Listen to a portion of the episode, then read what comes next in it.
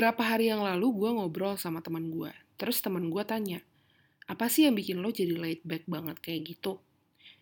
Terus akhirnya setelah gue udah jawab dan hari ini gue coba untuk merefleksikan lagi, gue nggak yakin bahwa um, istilah yang tepat itu adalah gue laid back atau gue relax atau gue chill atau gue santai gitu ya. Menurut gue bukan itu. Tapi gue ini emang tipe orang yang susah banget untuk terusik ya. Gue nih susah tersinggung, susah marah. Buat gue ketika orang melakukan sesuatu ya udah gue memaafkan aja ya udah gue nggak marah kok biasa aja gitu.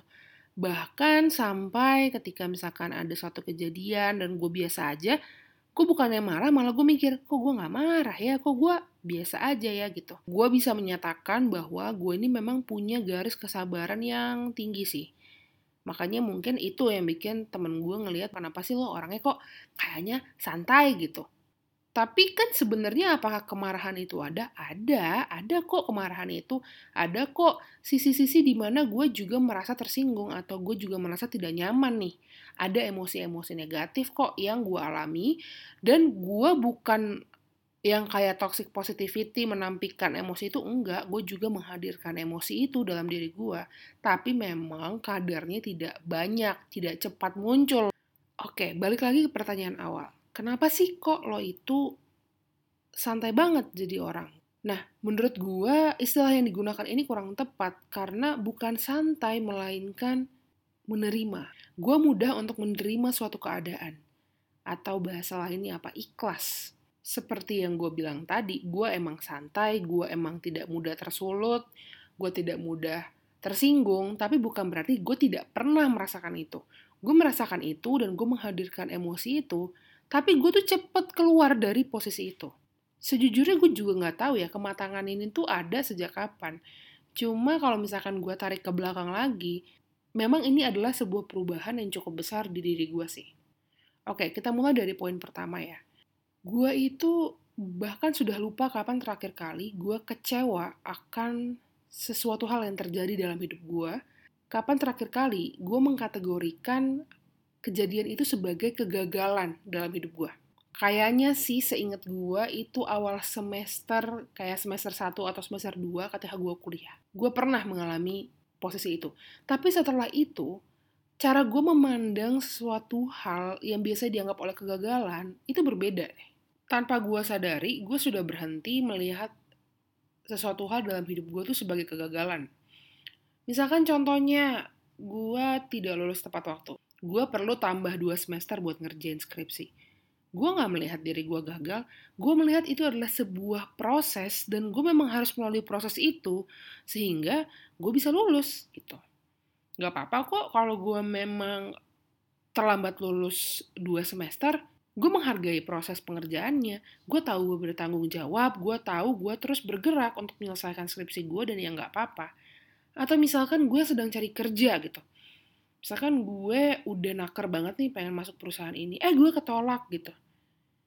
Gue tidak kecewa dengan penolakan itu. Gue tidak gag tidak merasa gagal karena gue belum berhasil masuk. Tapi gue lebih kepada oh ya memang mungkin gue belum sesuai dengan kualifikasi yang mereka mau mungkin ada orang lain yang tentu sudah pasti lebih baik daripada gue dan iya gue belum jodohnya di situ mari kita cari yang lain gitu. Tadi barusan gue sempat bilang kayak gue tidak kecewa loh ketika gue ditolak gitu.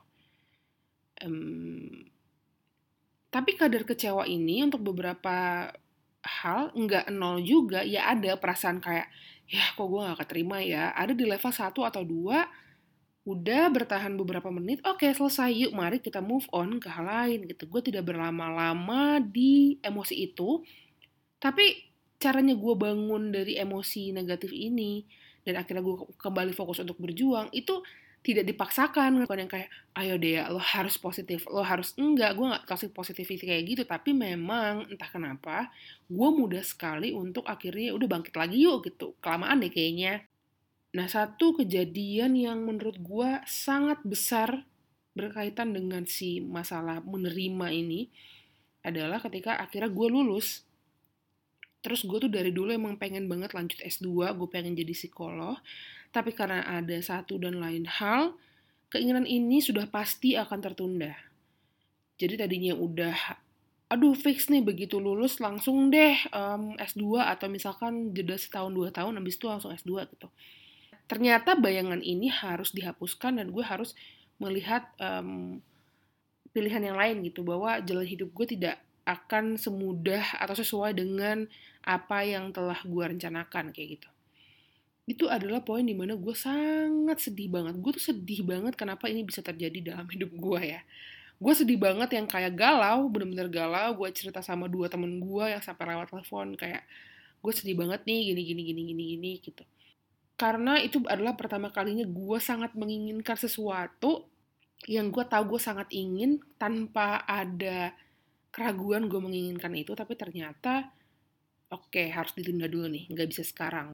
Gue pun itu cukup terkejut loh karena ke kegalauan gue itu hanya bertahan selama yang paling parahnya itu tiga atau empat hari. Mungkin kalau sampai ke titik gue udah yang bener-bener lepas tuh paling seminggu. Abis itu gue udah kayak ya udah oke okay, kita nggak bisa nih S2 sekarang. Oke okay, apa yang mau dilakuin? Apa nih hal-hal yang mau dilakuin untuk misalkan S2 nanti berapa tahun ke depan? Atau apa nih yang mau dilakuin sekarang? Apa nih yang mau? Pokoknya gue langsung mencari pilihan-pilihan lain yang tetap bisa mengakomodir cita-cita gue ke depannya gitu. Mengakomodir hal yang ingin gue capai ke depannya gitu.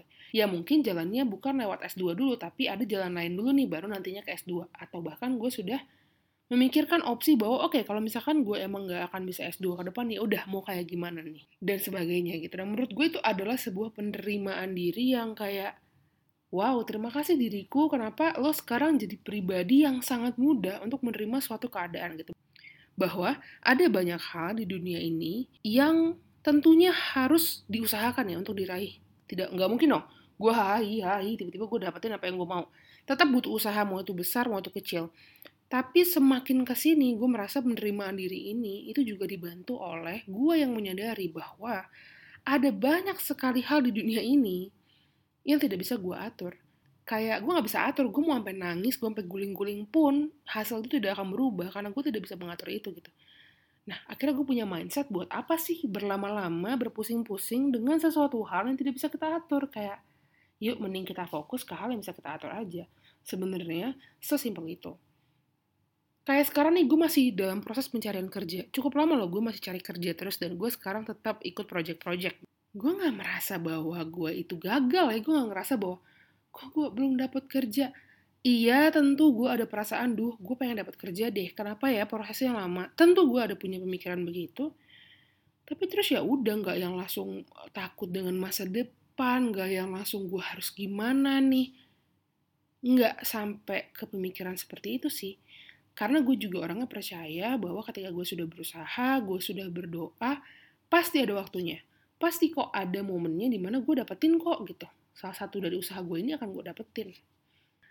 Dari tadi gue udah ngebahas dua poin. Yang pertama adalah gue yang susah atau tidak mudah untuk tersinggung atau marah. Kemudian yang kedua adalah gue yang mudah sekali untuk menerima dan akhirnya yaudah yuk move on aja yuk kita bikin perencanaan yang lain gitu. Nah ini ada poin ketiga nih yang menurut gue menyempurnakan si dua poin pertama. Yaitu adalah gue nih anaknya gampang banget sih merasa diri gue ini cukup gue mudah merasa bahagia. Nah ini sempat gue bahas sama temen gue. Apakah tandanya gue bukan anak yang ambisius? Sangat tidak ya, gue anaknya sangat amat ambisius. Ketika gue mau untuk mencapai sesuatu, gue mau dapat nilai A, gue tahu gue bisa dapat A, gue akan perjuangin sedemikian rupa biar gue dapat nilai A. Gue mau main game ini, gue mau sampai ke uh, level yang paling tinggi ya, gue akan berusaha sekuat tenaga untuknya, untuk mencapai level tertinggi gitu. Yang membedakan bukan di bagian gue tidak ambisinya, tapi lebih kepada ketika ambisi itu tidak sampai, tidak gue dapatkan, gue mudah untuk let go, gue mudah untuk melepaskannya. Setelah gue melepaskan itu, move on, merencanakan hal baru, gue merasa apa yang gue sudah miliki sekarang itu sudah cukup. Nah, itu tiga poin dalam diri gue sih yang gue sadari sekarang gue miliki. Tapi kan terus pertanyaan selanjutnya adalah, apakah lo gak pernah ngerasa ya lo cemas gitu misalkan tentang masa depan. Oh pernah gue juga pernah merasa kayak gimana ya ke depannya gitu. Gue punya uh, insecure misalkan tentang kesuksesan masa depan gue tapi lagi-lagi itu tidak bertahan lama ya dalam hitungan sejam dua jam gue merasa ketakutan, terus di hari itu gue renungkan ya, biasanya gue pilih satu teman untuk mendiskusikan ini, kita diskusikan bersama, kemudian gue sambil merefleksikan, sambil memikirkan sedikit-sedikit apa yang akan gue lakukan ke depannya, terus ya udah gue lepas gitu aja, uh, akhirnya gue tidak merasa ketakutan lagi, karena gue sudah melalui banyak pertimbangan dan sudah memikirkan apa yang gue lakukan, ditambah gue percaya bahwa Tuhan akan membantu gue kepercayaan itu sejujurnya ya bikin gue merasa tenang. Setelah akhirnya gue mendiskusikan itu dengan teman gue, gue mulai mempertanyakan juga kenapa ya gue bisa kayak gini gitu kan. Ini masih dalam proses pencarian ya, maksudnya kayak gue masih terus menganalisa diri gue. Kenapa gue bisa begini? Karena faktornya pasti banyak sekali dan tidak semua faktornya pasti gue sadari. Cuma salah satu faktor terbesarnya yang sekarang udah gue tahu adalah pola asuh dari bokap gue. Bokap gue itu sosok manusia paling ikhlas yang pernah gue tahu. Sosok yang percaya dengan dirinya, yang selalu berusaha untuk mencapai keinginannya, tidak berhenti berdoa dan juga percaya bahwa Tuhan akan membantu dia. Dia percaya bahwa rezeki itu akan datang ke dia dengan cara apa pun. Selama lo sudah berusaha sekuat tenaga dan berdoa, lo gak perlu takut. Rezeki itu pasti datang. Pasti ada. Berangkat dari pemikiran itu yang tanpa gue sadari, beliau ajarkan ke gue dari gue kecil sampai gue besar. Itu yang membuat gue merasa aman, merasa nyaman, bahwa gue akan mendapatkan apa yang gue inginkan. Dan apalagi gue tahu apa yang gue inginkan gak pernah muluk-muluk. Gue sesimpel dapat duit aja per bulan deh bisa buat beli makan, ya gaya hidup yang standar-standar aja, nabung dan segala macam ya gue tahu itu bisa gue capai. Mungkin belum sekarang, tapi akan. Tapi yang terpenting gue harus terus berusaha. Pola pikir ini juga dibarengi dengan cara bokap gue memperlakukan gue. Gue menyadari bahwa beliau selalu menganggap bahwa gue ini cukup. Lo ini cukup gitu. Jadi dari gue kecil, gue tuh biasa aja siswa yang tidak pintar tapi tidak juga bodoh. Ya masuk ranking, tapi ya nilai gue gitu-gitu aja lah gitu. Dari kecil bokap gue udah tahu kalau matematika gue jelek. Ini bukan cuma bokap sih, nyokap gue juga gitu. Mereka tahu kalau anaknya ini jelek banget matematika.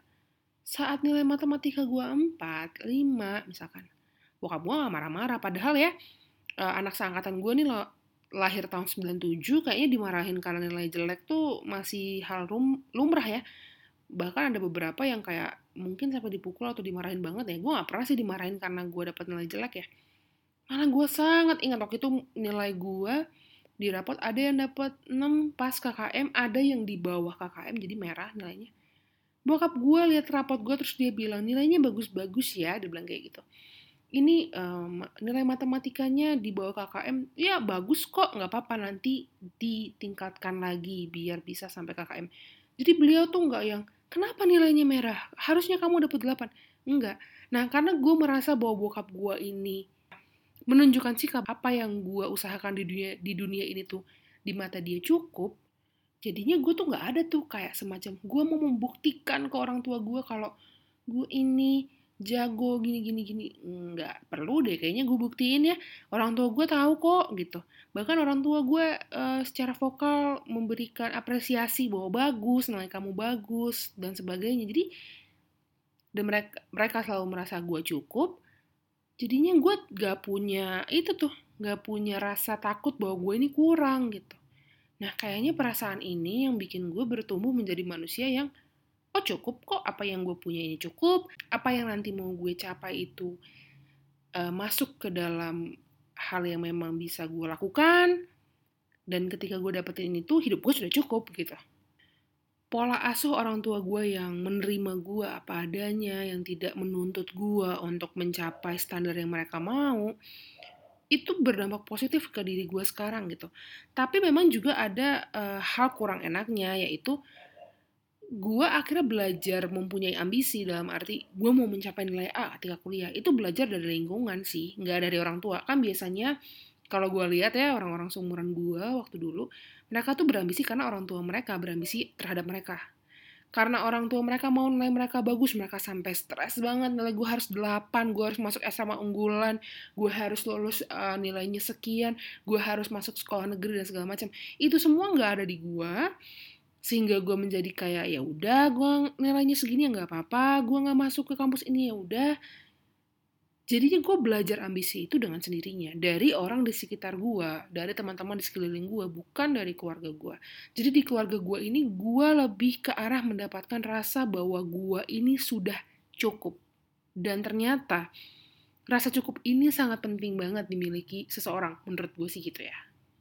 Balik lagi ke poin satu, gimana dong caranya bisa santai kayak lo? Atau kalau kata bahasa gue tadi tuh bisa menerima keadaan gitu atau merasa cukup dengan keadaan?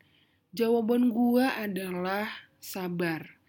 Karena semuanya butuh proses. Gua pun untuk mencapai titik sekarang itu juga penuh dengan proses dan gua pun sekarang masih terus berproses menjadi manusia yang lebih baik setiap harinya. Gak usah dibandingin proses mana yang lebih cepat, mana yang lebih lambat. Setiap orang tuh punya uh, prosesnya masing-masing kita juga punya uh, hidup yang berbeda, tentu itu pasti mempengaruhi banyak hal. Jadi sabar aja, pelan-pelan aja, gak usah dibawa stres kayak kenapa gue gak bisa ikhlas, kenapa gue susah banget move on. Ya udah, yang terpenting bagi gue adalah ketika perasaan negatif atau perasaan positif itu datang ke diri kita, menurut gue penting untuk menyadari bahwa emosi itu ada, menyadari bahwa gue ini marah, gue ini kecewa, gue ini kesal Kemudian kalau gue selanjutnya adalah mempertanyakan, kenapa gue bisa marah? Terus nanti gue mulai mengkelompokkan, iya ya kok kalau di isu ini gue mudah tersinggung, tapi kalau di ini enggak. Dan itu sedikit-sedikit refleksi seperti itu akhirnya bikin gue lebih mudah untuk mendapatkan gambaran yang utuh tentang diri gue sendiri. Proses ini tuh juga dilakukan ya ketika emosinya positif, jangan cuma negatif doang. Saat kok gue bahagia ya hari ini, padahal sebenarnya kayak nggak ada apa-apa, terus mulai dilihat lagi hari ini gue ngapain ya oh ternyata berbuat ABC bikin gue bahagia makanya salah satu cara yang paling mudah untuk menelusuri diri sebenarnya adalah dengan journaling setiap hari menuliskan hari ini perasaannya seperti apa emosi apa yang muncul bagaimana emosi tersebut dapat muncul apa faktornya dan dan sebagainya nanti lama-lama kalau lo baca lagi bukunya itu lebih mudah membantu lo untuk melihat diri lo gitu Udah deh, gitu aja. Terima kasih buat lo yang masih mendengarkan sampai akhir. Semoga episode kali ini ada sesuatu yang bisa lo ambil lah ya. Sampai berjumpa lagi di episode selanjutnya. Bye!